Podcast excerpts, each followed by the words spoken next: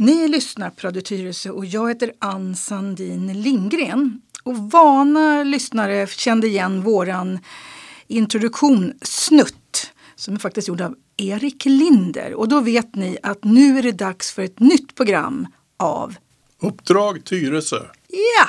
Och den, ni som har lyssnat många gånger känner också igen den här rösten. Vem tillhör den? Den tillhör Tommy Hansson, Ja, Tyresöbo, Tyresöbo av ohejdad vana. Trollbäcksbo Ja, och polis har det varit hela ditt liv. ja precis. Eh, tills jag gick i pension den 1 april. Ja, det var väl en dålig timing att gå i pension precis mitt under corona. Du som skulle ut och resa, för jag vet att du har rest väldigt mycket. Ja, det var ju planen, men eh, nu får man ju hålla sig på hemmaplan och gå promenader i vackra Trollbäcken istället. Det är inte att förakta. Nej, hur har det varit tycker du att vara- panschis? Ja, det är det bästa jag har gjort hittills. Ja, visst är det det? ja. ja, det är väldigt bra. Det var väldigt bra. Men du fortsätter ändå att jobba lite grann på Polisförbundet. Ja, jag hjälper till lite grann med vår eh, hemsida då som heter blåljus.nu. Ja, den brukar vi göra reklam för här för att om man vill veta lite grann utifrån eh, polisernas synpunkter om deras arbetssituation så, så är du duktig på att lägga ut det som händer och det som är aktuellt. Ja, vi försöker hålla oss aktuella och polisfrågorna har ju blivit nästan allt mer aktuella. Ja, eh, till och med på senare tid. Eh, Och det är ju allting ifrån, ehm, det är ju fackligt perspektiv så att det är mycket anställningsförhållanden, hur poliserna har det. ja, Det är ju det vi försöker spegla. ja precis. Och eh, din egen bakgrund då, det var länge sedan vi drog den. Du har ju jobbat som en, vad ska man säga, en vandrande polis. Vad kallar, det kallas ju massa saker en gång i tiden. Jag vet inte vad det hette. Fotpatrullerande kanske det allt. Ja, Jag har varit närpolis, Ja. kvarterspolis, områdespolis. Allting som har varit nära medborgarna. Ja. Sen när jag blev lite äldre och man drog in den sortens verksamhet dessvärre runt år 2000 efter att Polishögskolan hade varit stängd i tre år så hade man inte resurser till det utan alla poliser skulle åka radiobil.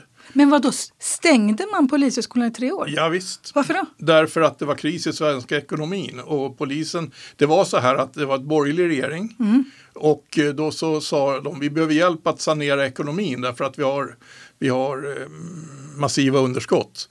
Eh, Och då sa Socialdemokraterna, ja det kan vi göra men då vill vi sparka er på smalbenen så då, stänger vi, då ska ni stänga Polishögskolan i tre år. Så det var, politiken var inte så mycket vackrare då än vad den är nu egentligen. Alltså som jag kommer ihåg det, så jag gick en gång i tiden faktiskt på Socialhögskolan. Och då lärde vi oss att poliser är onda. Ja, ja. Alltså det, var ju, det var ju det som var, alltså det har ju varit någonting som har varit väldigt negativt. Och jag tycker att det hände någonting i samband med Drottninggatan. Terrordådet där. Då plötsligt så talade, gick folk ut och sa att vi gillar poliser. Ja, det har väl blivit allt mer tydligt och sen är det en bredare samhällsutveckling också när ganska många känner en ganska stor otrygghet. Då vill man gärna ta tag i det som man upplever som tryggheten och då står polisen där som en symbol för det. Ja. Sen är ju problemet att vi inte räcker till att göra allt det vi skulle vilja göra men nu har man ju börjat bygga upp åtminstone framförallt i de särskilt utsatta förorterna. Ja. Där har man eh, stärkt upp den lokala polisorganisationen. Och det blir ju fler poliser nu framöver. Ja. Och då kommer man att sätta merparten av dem i det lo- lokala polisarbetet så att de även kan jobba brottsförebyggande men också ta fast de som behöver tas fast. Och jag som då har intervjuat ett antal poliser här nu, när jag frågar liksom hur, hur är det att vara polis så är de flesta poliser väldigt stolta över sitt, sitt yrke och känner ju egentligen att de har medborgarnas stöd även när politik och media inte varit på polisens sida. För att ett tag var det ungefär att vi ska lägga ner polisen. Ja, i debatten kunde det se ut så ibland Ja. men idag är det ju faktiskt så att alla Eh, åtminstone alla riksdagspartier eh, säger att de är för en hyfsad förstärkning av polisen. Ja, precis.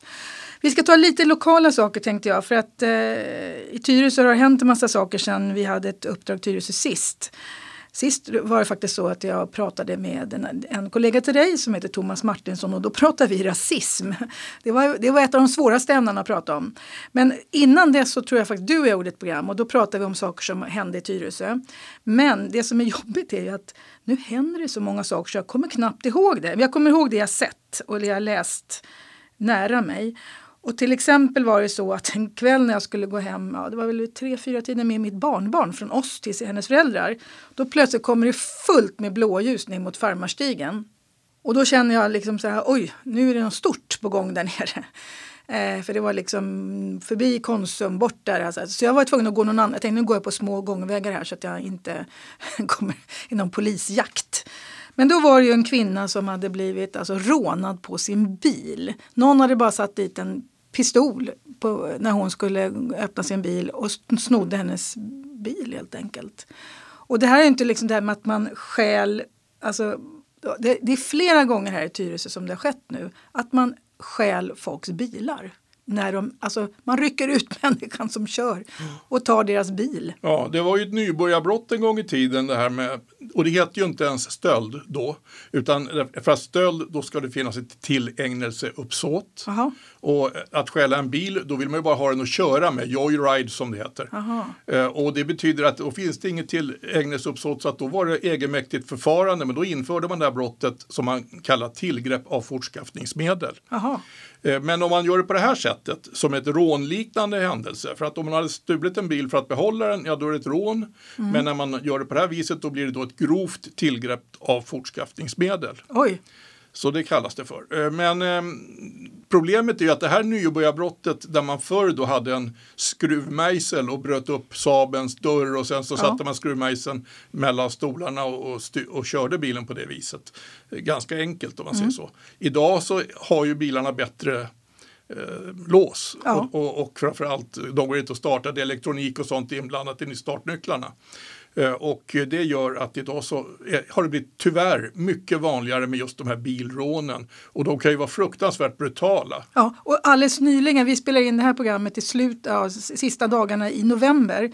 Då har det skett ett ganska grovt brott i Haninge det var fullt pådrag med polishelikopter och allt möjligt i Trollbäcken. Ja, det var ett fruktansvärt grovt brott. Det var, om, om jag har läst i media, ska mm. säga, så var det fem personer som gick på en bilförare och fick ut honom ur bilen och knivskar honom i både ben och rygg så mm. allvarligt så att det här är betraktat som mordförsök. Ja. Och då är vi uppe i en helt annan skala. Mordförsök är ju i princip samma straffskala som för mord. Mm. Så att det, men, men sen vet man ju inte hur gamla gärningsmännen är, så vad det blir för påföljd vet man inte. Man Nej. har gripit två personer gjorde det? Som, ja. Eh, hamnade, som eh, blev anhållna. Hur det har gått sen vet jag inte. För att, eh, är man anhållen för mordförsök så blir man normalt häktad också. Mm. Men det har jag inte sett hur det har gått.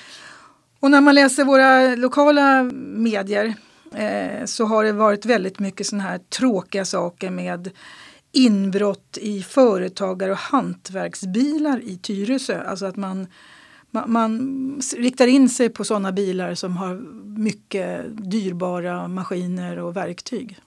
Ja, de har ju inga billiga grejer från Lidl som en del av oss andra vill köpa. Utan, de, utan, de, utan de har ju förmodligen de allra bästa DeWalt-prylarna och sånt ja, där. Ja. Så att det är dyra grejer de har och eh, då kan det ofta vara ligor som eh, kanske rent av ska exportera dem. Ja, precis.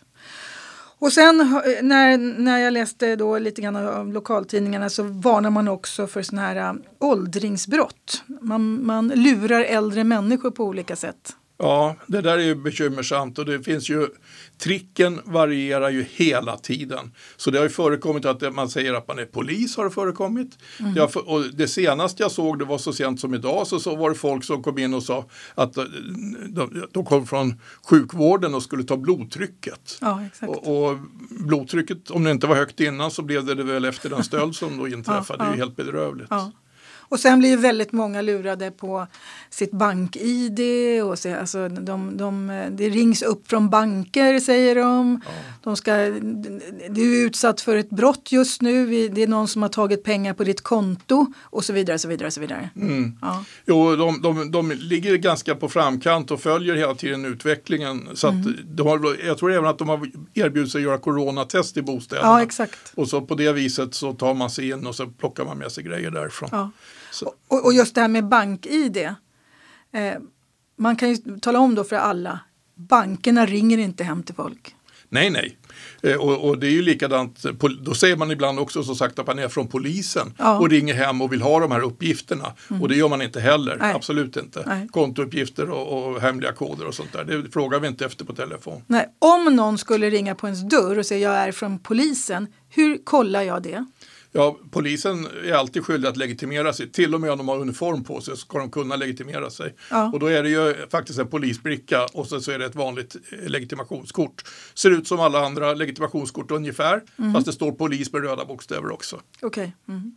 Är det lätt att förfalska sådana ID-kort? Det går naturligtvis, allting Mm. går ju att förfalska så att det ser något så när ut. Men om man tittar på det och, titt- och är lite noggrann, tar på sig glasögonen och klämmer på det. Men, Mm. Problemet är att om någon säger att den är polis, då är ju risken att den som eh, öppnar dörren blir lite eh, orolig och kanske Ja. inte vill vara så där eh, näsvis. Ja. Som, det, som man kan känna själv då. Mm. Så att det är inte självklart. Jag har inte visat legitimation jättemånga gånger i mitt tjänst som polis under 40 år. Det har jag inte. Men, men då ska jag säga så här. Eh, lite grann så tror jag att det är så här, Tommy, du är en person som inger trygghet. Du ser väldigt eh, alltså snäll ut. Du ser ut som en... Alltså lite grann så tycker jag, nu kanske det inte stämmer, men jag tycker att ibland känner man de så kallade vibbarna när folk ska lura en. Alltså det gäller ju... Det, alltså, man har ju någon slags inbyggd känsla. Vi, vi brukar säga så här när folk går förbi och tittar in i fönster lite grann ungefär som vissa kanske bara går förbi och är nyfikna. Men ibland går det förbi tomtar säger vi. Nu går det en tomte här förbi. Det syns på folk ibland att de har dåliga uppsåt. Ja, någonting åt det hållet. Ibland gör det verkligen det, men det ska sägas också att de bästa bedragarna, det är de som de kan lura vem som Aha, helst. okej. Och i den kategorin finns ju även de så kallade solovårarna. Just det. Som är oerhört charmerande och trevliga Ja. och inger förtroende. Så ibland så funkar det inte den där känslan, Nej. även om säkert du och jag har bättre känsla för det där än de allra Ja, flesta. eller jag tror fin- mig, tror mig ha en Ja, viss känsla man vill för... ju gärna tro det, men ibland, ibland kan man säkert Ja, bli lurad. Du har rätt. säga det du har bara. rätt ja. Sen var en annan sak som hände också här i närheten. Det var att eh, den här, det är en kille som är försvunnen. Så Missing People gavs ut den 24 november och letar efter en militär som heter Denise Arda. Det står det väldigt mycket om nu i tidningarna. Ja, eh, en eh, sportig kille som skulle ut och göra någon längre friluftsutflykt. Ja, Eh, Och Ut och springa. Ja, och sen är han bara borta. Och ingen förstår varför och man har letat i skogen. Jag tror att du i Tyresta har ja letat. de har gjort det. Och, och Missing People som sagt, och vilket, som ju är de bästa på att hitta folk som har kommit försvunnit. Ja, har vi, har gjort, ute. och det ska jag säga, vi har gjort ett program med Missing People. De är fantastiska och en kille som bor i Tyresö är väldigt duktig på det här med att organisera sånt. Och det ska man ju veta att när Missing People går ut då kan man också tro att det är sant. Annars får man ju aldrig sprida det här när någon säger den här personen är försvunnen, någon som kan hitta den. För då kan det vara tvärtom människor som letar. Alltså det kan vara det kan vara en elak karl som söker sitt ex. Ja, eller någon som har skyddad identitet. Precis. Som, ja, precis ja. Så man får inte bara... Nej, nej. Polis och Missing People måste vara med. Ja, det tycker jag och verkligen. Mm. Eh, Men, men som sagt, Missing People, de får ju till så stora resurser så att bättre sökinsats än så, det är svårt att få ja, verkligen. jättekul. Ja, Jag ska det. säga det att jag, så vitt jag förstår har ju även polisen inlett en brottsutredning. Man fruktar att det kan vara så att han har blivit bortförd mot sin vilja på något sätt. ja, det tror de ju Så också. att man håller, på man håller på och utreder den sidan av det hela om det inte var en olyckshändelse. Nej, precis. Ja, det, där är också, det är fantastiskt att alltså, många människor vill hjälpa till också. Ja, Det- det är utomordentligt glädjande. Ja. Verkligen. Sen har det varit en diskussion här på, ja, om det här med förnedringsrån. Och det var en, eh, en kille, eller en polis i Nacka som säger att ja, det vet man inte så mycket om, om det är förnedringsrån. Det, jag läser ju om förnedringsrån. Är det en speciell kategori som heter förnedringsrån i brottsregistret? Nej, det finns det inte, men det, har ju, det är ett inslag som förekommer i en del ungdomsrån oftast. Eh, och, då, och då kan det vara så där att man tvingar brottsoffret som ofta är väldigt ungt, det kan vara 13 år eller 15 år eller något sånt där, att gå ner på knä, att kyssa vederbörandes fötter. Att klä av sig? Att klä av sig är väldigt typiskt sådär. Eh, Man har pissat på dem och liknande sådana förnedrande omständigheter. Eh, och de har, har man ju skrivit om. Medan de vanliga ungdomsrånen som kanske är hundratals på en månad i en region som Stockholm, kanske rent av tusentals. De läser man ju inte om längre. Nej, det är, är ju normaliteten att det förekommer att ungdomar blir av med sina mobiltelefoner eller med sina märkesjackor eller vad det då är. Och, och det vet jag när, när mina barn var små, de är ju liksom 35 och äldre nu, att eh, en av de vanliga sakerna då, även på den tiden när man åkte buss, det var ju unga killar som åkte förbi sin hållplats. Och, alltså unga killar har ju varit den grupp som är mest utsatt egentligen därför de befinner sig ibland på nätterna på bussar ensamma och kanske lite övermodiga i sitt, i sitt Medan vi tjejer eller flickorna var mycket mer försiktiga. Tjejer har ju fått lära sig att vara försiktiga, ja. hemskt nog, även ja. historiskt sett. Ja, så det, det, det, har ju liksom varit den mest utsatta gruppen är ju unga killar. Ja, det är det. Därför de är på platser på fel tider. Och så är de kanske lite mer orädda. Ja, så. exakt. Och, och, det skulle man ju önska att de fick vara. Ja, frimodiga. Såklart. Mm. Och vi nu går till den här frågan som vi började med. Eh, det här med nya poliser, för där läser jag en massa debattartiklar. Där var det bland annat våran eh, inrikesminister Damberg, Micke Damberg. Han gick ut nu i Aftonbladet i slutet av november och var väldigt stolt över att det är nu 2500 som går på polisutbildningen och att man också har lyckats höja lönerna. Sedan 2015, alltså de sista fem åren, så har man i snitt fått 5 000 kronor mer i lönekuvertet. Ja, i snitt kan det faktiskt stämma att det har gått så. Nu är det jag skulle ju säga att det är Polisförbundet som har drivit den kampen mest framgångsrikt och ja. fått med oss politikerna på det tåget. Och det är ju inte från 2015, för de första två åren efter polisreformen så händer det ungefär ingenting. Nej. Du, vad tjänar en polis idag som går ut, kommer ut nyexad? Ja, ja, nu ska jag inte svära på det, men jag skulle nog säga att det ligger runt 28-29 000 i Stockholm. 28-29 000 och då har man inte fått OB eller övertid, en sådana Nej, grejer? det kommer på sen. Men, ja. men, det, men OB om du då jobbar tufft skift, det kanske är ett par tusen i månaden. Okej. Okay. Mm. Och övertid kan man säkert få jobba hur mycket som helst om man är polis? Va? Nu är det mycket övertid, och, fast det är lite mindre just nu på grund av coronan. Därför att det är ju inte så mycket idrottsevenemang och sånt och inte ens demonstrationer så ofta. Nej, det, och, och, det drar mycket poliser? Det drar oerhört mycket poliser. Jag läste faktiskt, om man nu ska komma med en positiv nyhet, så har man ju nu tvingat eh, krögarna stänga klockan 22, ja. vilket ju är tråkigt. Men man hade inte ett enda krogrelaterat bråk eh, i hela Stockholm under helgen. Och å andra sidan så ja, hade man ja. ju en svartfest ute i, i eh, Huddinge mm. som man fick avbryta. Så att det gick åt lite poliser ändå. Men, men det där tar ju annars oerhörda polisresurser varje fredag och lördag kväll. Ja. Särskilt när det är lönehelg. Just det, det har du rätt i. Så lönehelgen, ja det var den 23, vad var det? Ja, 20, ja, det är 25. 25 brukar det vara. Ja, men, men alltså, var det lönehelgen då? Just det, ja. i, i november. Mm. Ni som hör det här i december pratar vi alltså om novemberlönen. Men det stämmer ju alltså att ni fick alltså ut 593 nya poliser 160 stycken kom till Stockholm men det är fortfarande 1300 tomma platser på Polishögskolan har jag läst på blåljus.nu. Ja, det verkar vara rimliga siffror. Mm. Och då ska det sägas att 160 poliser till Region Stockholm som innefattar även Gotland. Det är ganska mycket, så mycket har vi inte sett på, jag tror kanske att det är rekord någonsin till och med. Ja, så det känns att poliserna ökar trots att det är väldigt många som hoppar av. Tommy Hansson har ju slutat. Jo, jo, men jag tyckte att efter 45 år så får man sluta. så att, ja. men, men, men eh, problemet är ju att många har ju slutat av andra skäl. Man har hittat bättre betalda arbeten eller man har inte tyckt att man har fått den utveckling som man önskar inom polisen eller kanske inte trivs som polis. Jag tycker att det är rimligt att några poliser slutar också. Ja. Därför att alla kanske inte pallar trycket. Nej. Det är ett utsatt arbete. Det ställs, eh, om, man, om man känner att man håller på att gå sönder inombords därför att man inte klarar av att hålla sitt temperament i, i schack mm, eller på mm. andra sätt och inte hitta någon annan bra, någon, någon, lämplig position inom polisen där man funkar. Mm. Så det är bättre att man söker ett annat jobb än att man blir en polis som inte funkar. Nej, För det har vi inte heller råd med. Nej.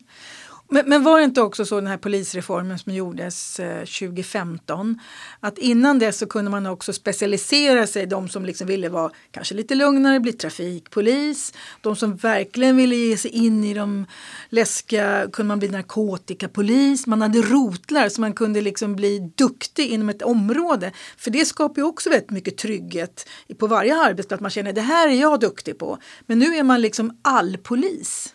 Ja, lite grann så, men, men, men eh, framförallt är det väl de på lokalpolisområdena som ska göra det mesta. Det vill säga de har fått ta över framförallt trafikpolisen till exempel mm. uppgifter. Eh, och även så får de ju gå in när det är mycket utredningar, får de gå in kanske i en balanskommission och jobba där några månader och sen ska de ut och, och men, men då ska det sägas att de här poliserna är ju ofta ganska unga de som jobbar mm. i lokalpolisområdena så att de har ju med sig färska kunskaper från Polishögskolan. Det skulle ju nästan vara svårare att sätta mig och utreda som har varit polis i blå uniform hela tiden. Ja. Det hade funkat sämre än vad det funkar för de Du här. att de har helt andra kvalifikationer? De är oerhört duktiga de som Ja, kommer ut. De, är ju, de har ju en bred utbildning faktiskt. Mm. Och, och, och, och de har ju även praktiserat på de här olika platserna. Och- och- Vil- Vilket i sig också gör att om man då är polis i blått och så kommer man första, Vad- vadå polis i i, blått? blått? Alltså i blå uniform. Ja. Har egna uttryck. Ja, jo, Ja, absolut. Man har, om man vi- så är det. Och Mm. då, då kanske man kommer som första patrull på, säg en våldtäkt. Ja. Och kan man då göra de rätta förstahandsåtgärderna därför att man har en poli, eh, kriminalpolitisk kunskap också, Mm. så kan ju det vara helt avgörande för utredningen. Så det, du tycker ändå att det här att man har låtit det, det bli högskole, det blev någonting bra av det? Ja, jag tycker att det är bra att det är en bred utbildning som, som ger en rejäl grund att stå på för olika funktioner inom polisen. Mm. Därför att det har man nytta av var man än är. På samma sätt så tror jag att det är bra för en kriminalpolis att ha stått i en, en krogkö och hållit ordning en fredagkväll. Mm. Därför att då vet man vad det är som händer där och vad det är för någonting som kan ligga bakom den sortens misshandlingar eller annat gruff som uppstår. För att i början när man är polis då blir man liksom, vad kallas det, vad kallas de poliser Ja, utryck, kallar det utryckningspolis tycker jag, Ja, eller ja. radiobilspolis. Ja. Men, men det är, idag ligger ju det på eh, lokalpolisområdena. Och, och lokalpolisområdena, när det gäller Tyresö, vad pratar vi då om? Ja, då pratar vi Nacka. Nacka. Mm. Där finns det en, en lokal, fast ni tillhör, vi tillhör, eller vi tillhör egentligen ett större område. Ja, det, det, är- det är då inte lokalpolisområdet utan det är polisområde syd. Ja, syd. Så att, och där är, det, syd är ju ända från Södertälje och upp till Gullmarsplan. Ja, och det som är intressant då det är att det, det är därifrån, eller dit man åker med dem som man haffar. Det är där som häkten och sånt finns. Ja, vi har ju i, i eh, Flemingsberg har vi Ja. både häkte och eh, polisstation, stor polis, central polisstation så att säga. Ja. Och en av dina kollegor heter Lars Alvasjö och brukar vara med här. Och han är en av cheferna där. Ja, absolut. Ja. Han är stationsbefäl. Så han, om jag skulle som polis på den tiden eh, hitta en fyllerist eller en, någon, någon tjuv eller någonting Mm. och kö, köra till Flemingsberg, då är det Lars som avgör om jag har gjort rätt eller om den där personen ska släppas för att han var inte så full som jag tyckte. Okej, då vet vi det. Det ska, ska vi kolla med Lars nästa gång när vi ska få Ja, ta honom. så är det att vara chef. Så är det att vara chef. Ja. Men, men du ser ändå att det har blivit bättre när det gäller antal poliser, satsningar på poliser och lön för poliser. Ja, alltså, det är fortfarande så att vi är färre poliser i förhållande till befolkningsantalet Ja. eh, därför att det har stått still väldigt länge. Så att 20 000 poliser mellan tummen och pekfingret, vi ligger där. Men vi är på väg upp nu och det är nu det händer därför att tidigare så har vi ju legat still. Ja. Eh, och det är ju det som har varit bekymmersamt när då brottsligheten har utvecklats. Plus, och det sa ju Damberg också väldigt nyligt, eh, om det var igår eller idag, att Går det idag? Nu pratar vi slutet av november. Ja, det stämmer. Eh, så, så nämner ju just detta att problemen som vi nu idag brottas med när det är fler skjutningar i år än i fjol och så vidare trots polisens alla satsningar och, som vi har fina namn på som Rimfrost och annat. Så, är det, så är, det, är det ändå så att det har blivit så här. Det kanske var för 20 år sedan som polisen skulle ha satsat annorlunda. Och det var ju ungefär då man la ner områdespolisen som den såg ut då. Och, och så har det då blivit ett glapp och så har polisen dragit sig tillbaka. Och inte bara polisen utan faktum är ju även att eh, andra institutioner har dragit sig bort från vissa förorter. Ja, Företag- det, det, det är tomt. Ja, Man- för, ja, vissa, för, vissa företagare har ju inte kunnat arbeta i de här för, Nej. f- ö, orterna. Så att eh, det har, det har blivit då mindre eh, samhällelig service. Och, och det läskiga är så här att eh, jag som jobbar då på Sveriges Television där man också haft en diskussion om hur, hur, hur, hur, hur skildrar man Stockholmsområdet, det hette ABC-nytt förut. Och då, vi i Tyresö är ju mediaskugga, liksom, hit åker ju ingen, liksom, alla de här förorterna. Och då ville man liksom starta en, eh, en lokal eh, tv-station i Rinkeby. Och jag var ju med med mina kollegor, jag jobbar ju på IT då, de skulle dit och liksom fixa till med datorer och sånt. de hade ju inte lätt där ute. Att, att till och med bara ställa en bil och försöka liksom, för, alltså, de här stackars journalisterna, det var ju journalister som bodde i området, som, de ville ju ha lokala, lokala journalister också. Men de fick ju bland annat poliseskort. För att när det hände saker så ville ju inte de som då blev intervjuade eller filmade, de ville ju inte bli filmade. Nej, det där är ju ett bekymmer att det finns ett misstro mot stora delar av samhället. Det är ju inte bara poliser som råkar ut för det. Nej. Nu ju, har ju till och med poliserna i Rinkeby kan ju behöva poliseskort också ibland Ja. till och från jobbet. När man nu har startat, för nu har ju polisen byggt upp den nya polisstationen där så att den, den Mm, är ju öppnad. Och, eh, men, men då har man ju diskuterat det att i vissa lägen åtminstone när polisen har fått ingripa mot eh, kanske de kriminella gängen Ja, av värre slag. Då kan det vara bra att poliserna kan ta sig hem på ett tryggt sätt. Ja, Också. visst. Ja, men det här är det här är en helt annat tänk. Och jag då som eh, jobbade då ett tag, jag, har slut- jag har ju också slutat jobba, jag är pensionär jag också. Men eh, journalister fick ju lära sig att eh, ta på sig skyddsväst. Alltså, eh, alltså, de tränades ungefär som i militären. Att hur man, hur, och det var ju inför liksom terrorattentat och sånt. För att om det händer någonting så måste de också på sig skyddsväst. Så det här, det här är ett helt annat tänk. Och på, under den tiden jag jobbade på SVT från början var det vanliga dörrar. Sen blev det säkerhetsdörrar, sen blev det slussar, sen blev det ID-kort. Sen st- stängdes hela vårat... Alltså vi, vi bodde i ett fort. Ja men det gäller ju hela samhället. Ja. Eh, En, en gång i tiden kunde man ju gå in i kommunhuset och så går man upp på plan 6 Så och, och, och öppna dörren till den som man skulle prata med eller tryckte på en knapp så var det röd, röd grön och gul lampa. Va? Just det. Och till och med statsminister Olof Palme, eller Elander tror jag det var. Alltså, man kunde alltså gå upp till regering och knacka på dörren. Det är helt makalöst. Det, det, Sverige var ju verkligen ett öppet land. Ja. Och, och det du säger också om skyddsvästar på journalister. Det tror jag jag såg första gången, eller minns att jag såg första gången i Beirut. Ja, ja. Så hade man ju det och då, då hade jag verkligen förståelse för, för det var inbördeskrig i Beirut. ja, men det här var jättekonstigt. För man gjorde alltså, och det här var ju polis, alltså till SVT rekryterade man till säkerhetsavdelningen fullt med poliser. För att träna journalister. För att ge sig ut i och utanförskapsområdena. Ja, det är tufft. Ja, alltså det, jag har ju sett någonting som jag under mitt liv som är helt annorlunda. Eh, någonting jag också läste nu i media, det, det är inte bara polisen som har haft problem med, platt, eller med eh, personal. Vi har hela, hela domstolsväsendet som måste hinna med också. Och det jag läste nu sist, det var att kriminalvården, de har bara 4920 920 platser och nu har de fyllt 4 916 platser så de har bara fyra platser kvar. Så nu bygger de baracker och gått upp i stabsläge läste jag. Ja, och det, och det var inte många år sedan vi stängde fängelser på flera ställen. Vi stängde fängelser. Ja, ja, Långholmen ska vi inte tala om för det var väl på 60-talet. Det är ju hotell nu, väldigt Ja. fint konferenscenter. Men, men, men de har ju stängt fängelser nere i Malmö och så vidare. Va? Ja. Och det var ju det att man, man har ju haft en vision om att Sverige skulle vara ett ganska lugnt land och sen Ja. så var det ju det att man hängde på alla som fick kortare straff än eh, några månader fick ju fotboja. Ja, just och då det. kunde man ju spara mycket pengar. Just det, Så, så såg man till att de fick, fick eh, sin, avtjäna sina straff i frihet istället. just det. Eh, Men, men eh, sen har det ju hänt någonting annat då. Och det, dels att man nu dömer längre straff på de riktigt grova brotten. Ja. Eh, Och dels att trots att vi inte löser alla brott så är det rätt så många grova brott som blir lösta och det är så mycket grova brott. Så att det, blir, det är fullt på fängelserna. Och de har, har ju fått ha våningssängar. Ja. Och det är ju helt Det har inte varit så i svensk kriminalvård på många, många år. Nej. Det, det, det som jag tycker då är konstigt nu när vi di- diskuterar äldrevård, vilket man diskuterar väldigt mycket i Sverige just nu.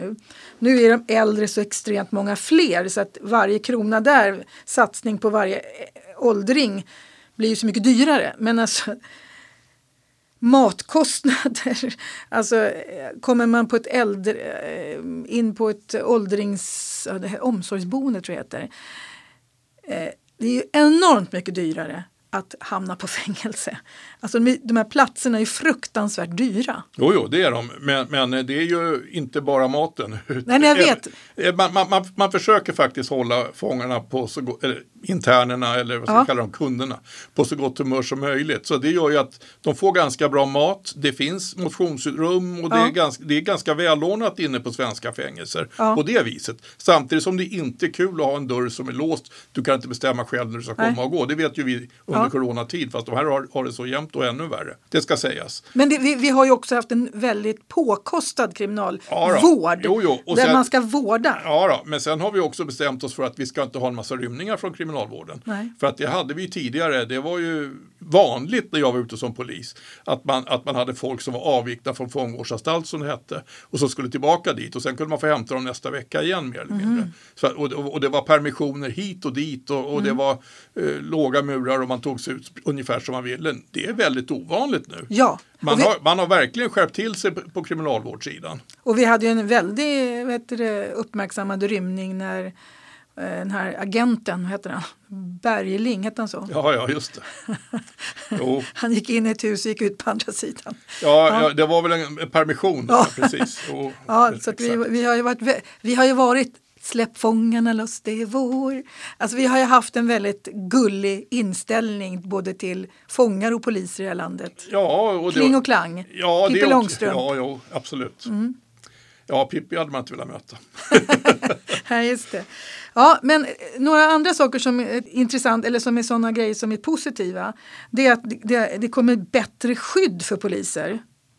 Ja, precis. Man, man, kommer inte, man ska inte behöva då ha alla personuppgifterna på sin le- polislegitimation. Nej, Eh, och, det- och, och det är ju då eh, därför att idag med personnummer eller med ett fullständigt namn så är det ju så oerhört lätt med sociala medier att uh, spåra upp vederbörande. ja, och det- hämnas. Det har ju hänt allt för många gånger att bilar, bilar till poliser, polisers bilar har exploderat eller brunnit upp. Det- Man har skjutit automateld mot polisers hus. Det har exploderat i polisers trappuppgångar, alltså handgranater och liknande. Och det här gör ju att eh, vi kan inte ha det öppna. det- är ytterst beklagligt för jag tycker ju alltid att den som jag jobbar mot som polis ska ju veta att det här är Tommy Hansson. Eh, och att jag är så att säga hans polis också även om jag är tvungen att ingripa mot honom. Eh, men men eh, samhällsutvecklingen blir ju så, när, när samhällsutvecklingen går åt fel håll tillräckligt långt då får man ju vidta åtgärder som inte är bra. Det vill Nej. säga, egentligen kan jag ju tycka att det är sorgligt att man ska måste ha kameror på torg och överallt så att alla ska bli inspelade hela tiden.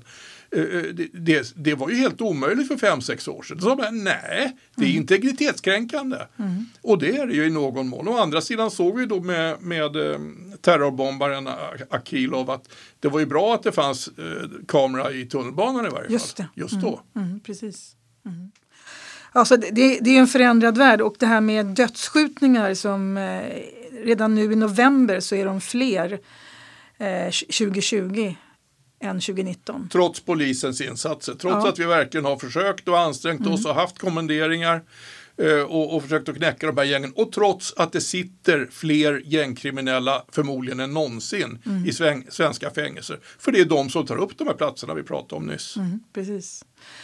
Eh, och sen, det var också en här nyhet att fyra av tio Stockholmspoliser söker aktivt jobb utanför myndigheten men tydligen var det färre än vanligt. Ja, det var ju fler för så sent som ett par år sedan och det är ju det här vi sa nu att det har börjat ske lite korrigeringar på lönebiten.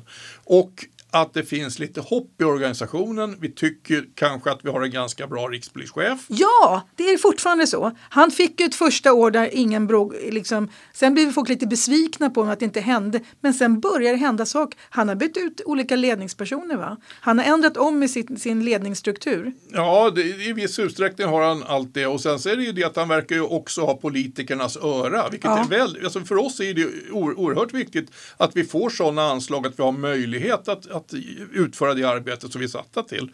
Ja. Om vi bara ska jobba med brist då, då blir det det att vi ska springa fortare och fortare. Till sist orkar man inte längre. Nej, nej, precis.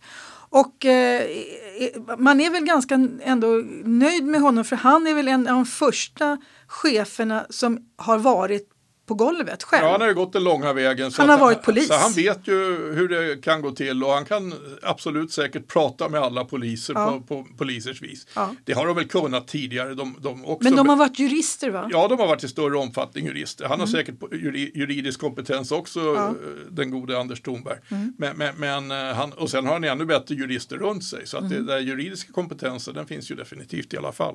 Så du, du, du tycker att det finns lite hopp i myndigheten? Ja, jag, jag tycker att det börjar kännas som att det finns lite hopp i myndigheten. Fast inte bara. Jag ska säga det att vi fick ju nu 300 någonting miljoner kronor som skulle användas till en särskild polislönesatsning.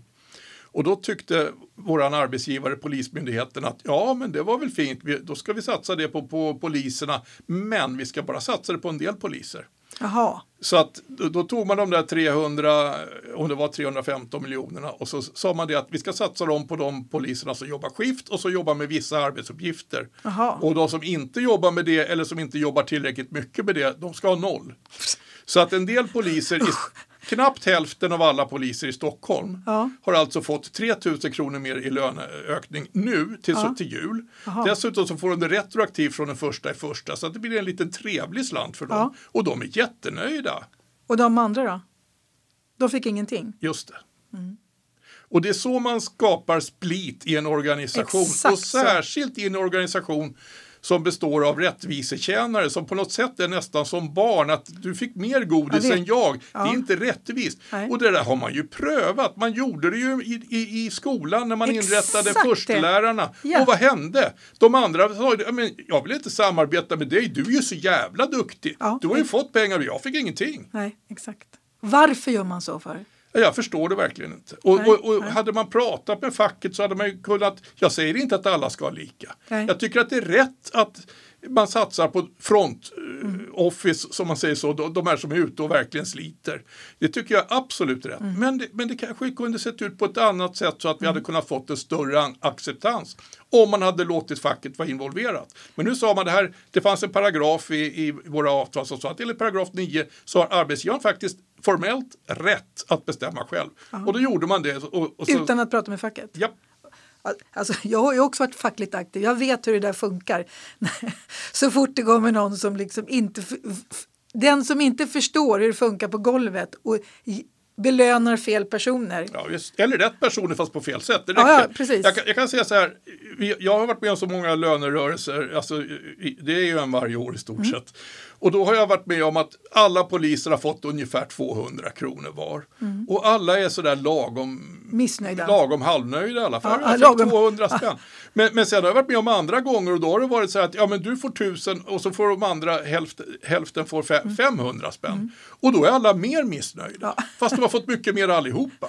Så att så kan man ju verkligen förstöra pengar och det är ju faktiskt våra skattepengar. Så Ja, jag ja. tycker det är lite trist. Det, det märks Tommy att du, du är facklig i grunden, eller hur? Ja, jag har alltid jobbat fackligt på något sätt faktiskt. Ja. Det är lite roligt. Det är jättekul att du kommer hit och att vi, att vi fortsätter det här programmet som jag tror är ganska viktigt. Jag pratade faktiskt med en politiker, en hög politiker idag som sa att hon lyssnar ofta på, på just den här serien. Så det, så det är trevligt att de lyssnar på oss. Ja, det är ju helt fantastiskt och det är lite grann som med blåljus också att det är ju rätt många som läser. Ja, det är jättekul. Så det är skoj. Tack så mycket Tommy Hansson, eh, numera nästan pensionerad polis men som ändå gör vad han kan för att påverka. Så är det, men jag vill fram, vä- väldigt, vara väldigt tydlig med det att polis det är jag inte längre. Nej, utan, du- utan jag är före detta polis. Före detta polis. Däremot är jag fortfarande fackligt aktiv på något sätt. Utan att, jag är medlem i facket är jag också fortfarande. Ja, vad bra. Ni har alltså lyssnat på Radio Tyresö och den här serien heter Uppdrag Tyresö. Söker ni på det så hittar ni många av våra program. Och jag som intervjuar Tommy Hansson eller ja, samtalade med Tommy Hansson heter Ann Sandin Lindgren.